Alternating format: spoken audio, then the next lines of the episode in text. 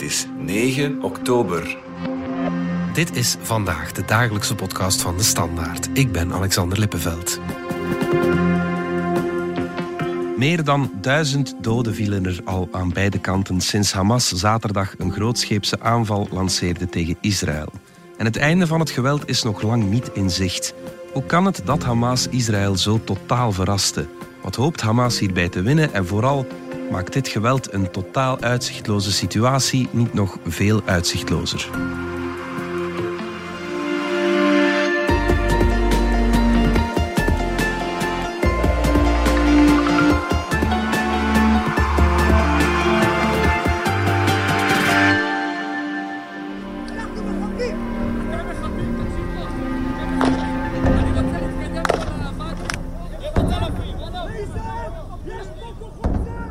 Jorn de Kok, buitenland-correspondent bij België in Beirut in Libanon.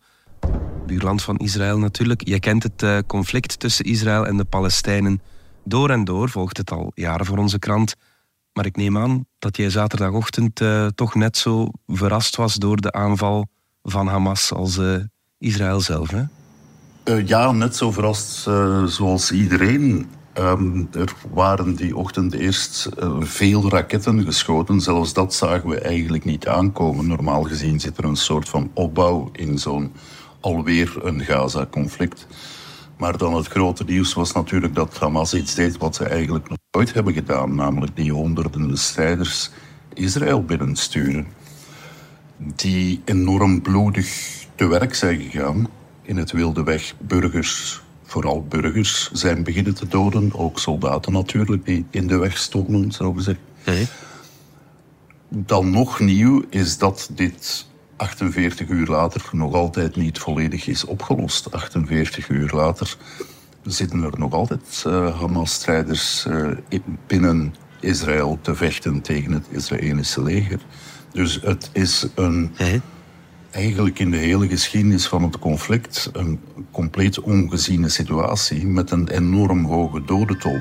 Ja, inderdaad. Uh, op uh, maandagochtend, uh, wanneer we het opnemen, al meer dan 1100 doden, geloof ik, aan beide kanten samengeteld.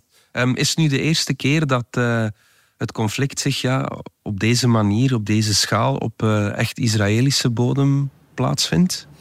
Wel, zeker op deze schaal je had in de jaren 90 bijvoorbeeld de befaamde aanslagen op de autobussen in Jeruzalem en Tel Aviv.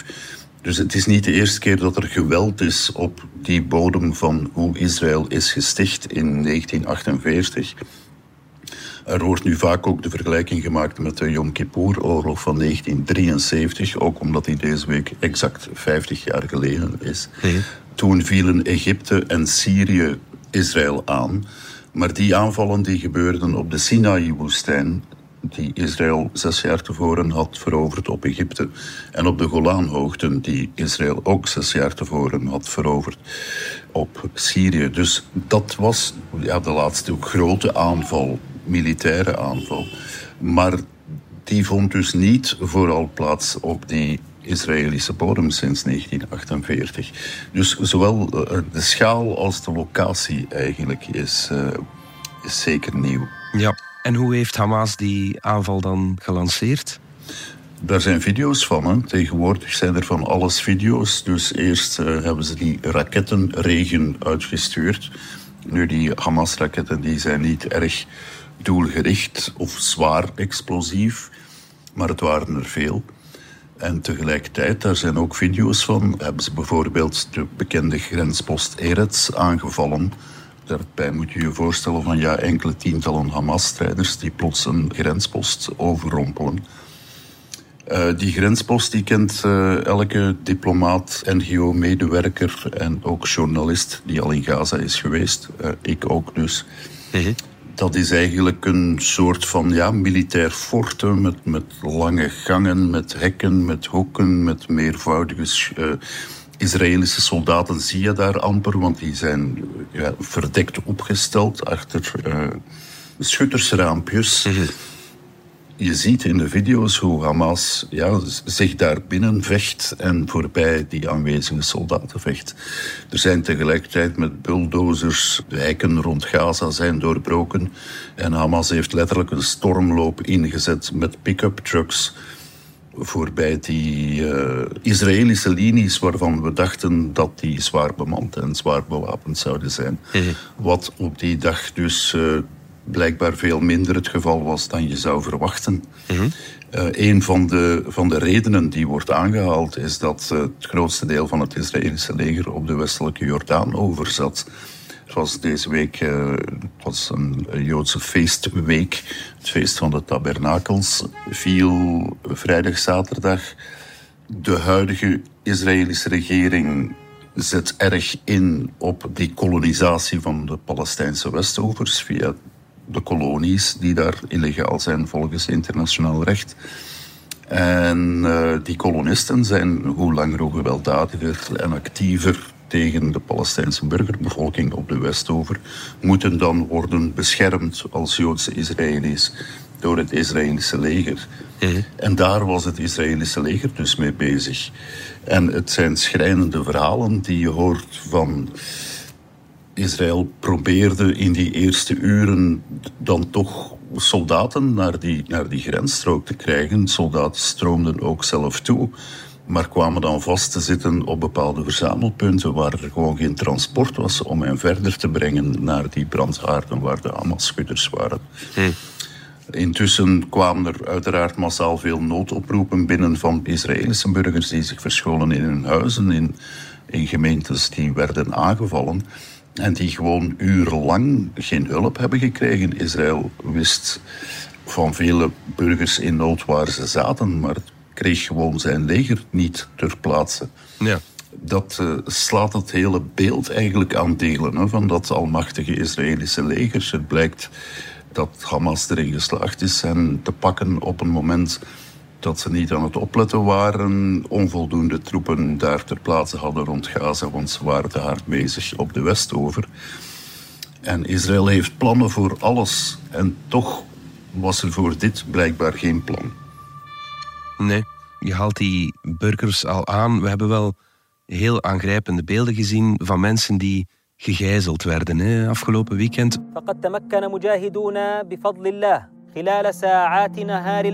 Waarom doet Hamas dat? Je kan vermoeden dat dat eigenlijk het, zowat het eerste objectief van Hamas was bij die aanval. Mhm. Misschien hadden ze er zelf ook niet op gerekend dat het zo relatief gemakkelijk zou gaan. Ze zijn op sommige plekken tot 20, 25 kilometer eh, Israëlisch grondgebied binnengedrongen.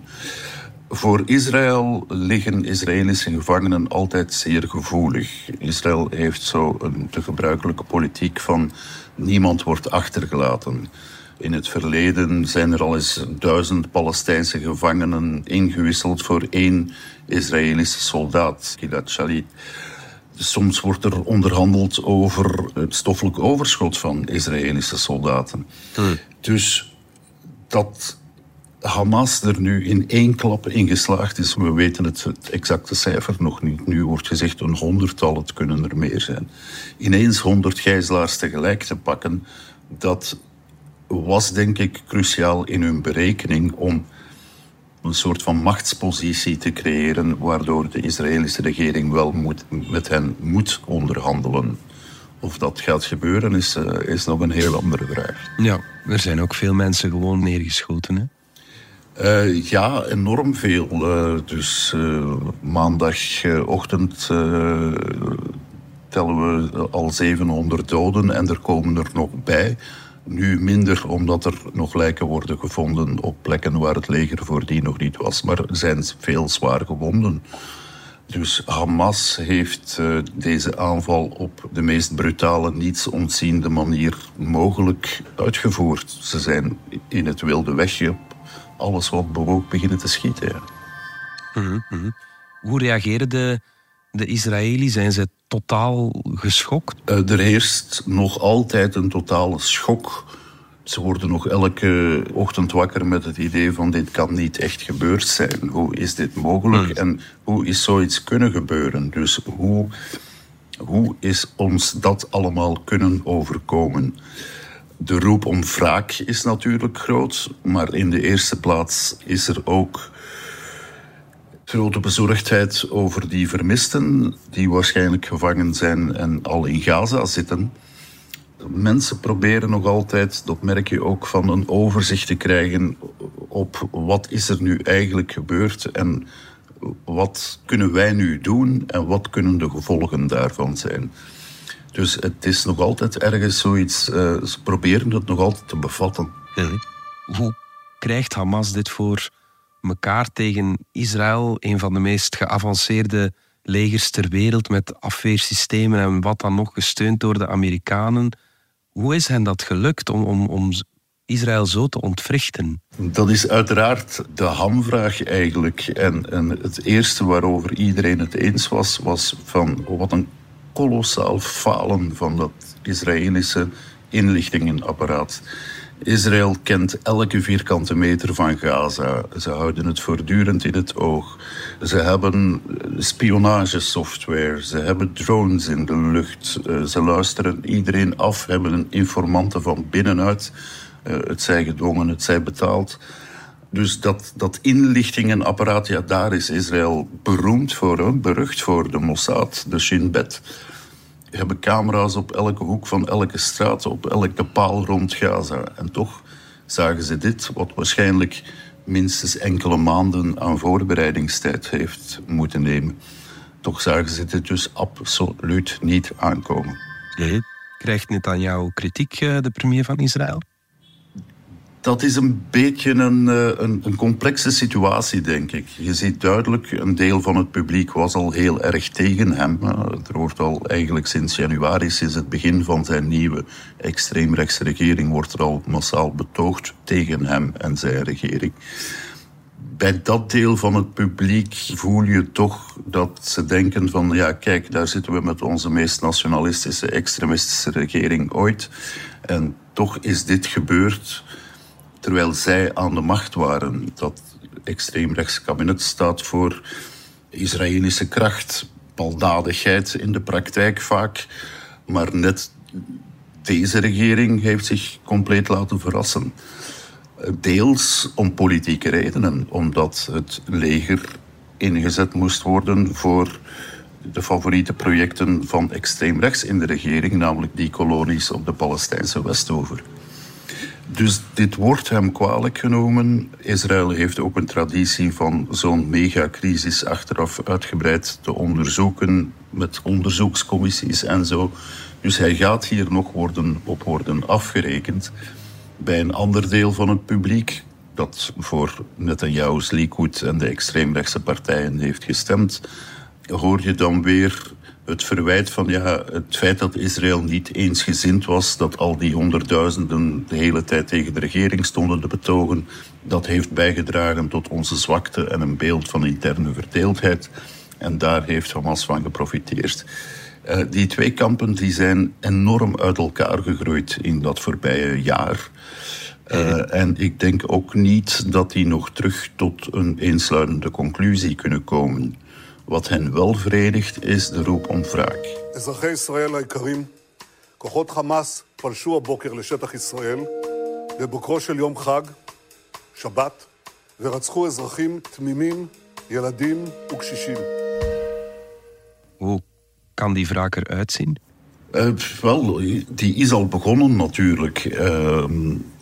wat is blijven functioneren zaterdag is de Israëlische luchtmacht. Dus die is zaterdag onmiddellijk beginnen te bombarderen.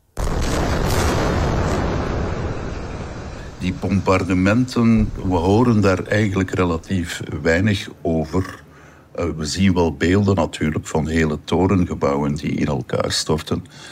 Die bombardementen waarmee Israël dan zegt dat het Hamas-doelwitten viseert, die verlopen blijkbaar nu al sinds zaterdag erg ruw. Uh, die dodentol in Gaza van boven de, de 300, een cijfer dat ongetwijfeld verder snel zal oplopen, uh, die is al hoog in die korte tijd sinds zaterdagochtend. Dus Israël gaat blijven bombarderen tot ze eigenlijk terug hun land onder controle hebben. Eerst moeten die laatste Hamas-brandhaarden op Israëlische bodem worden uitgeschakeld. Dan moet de grens opnieuw worden in handen genomen, versterkt.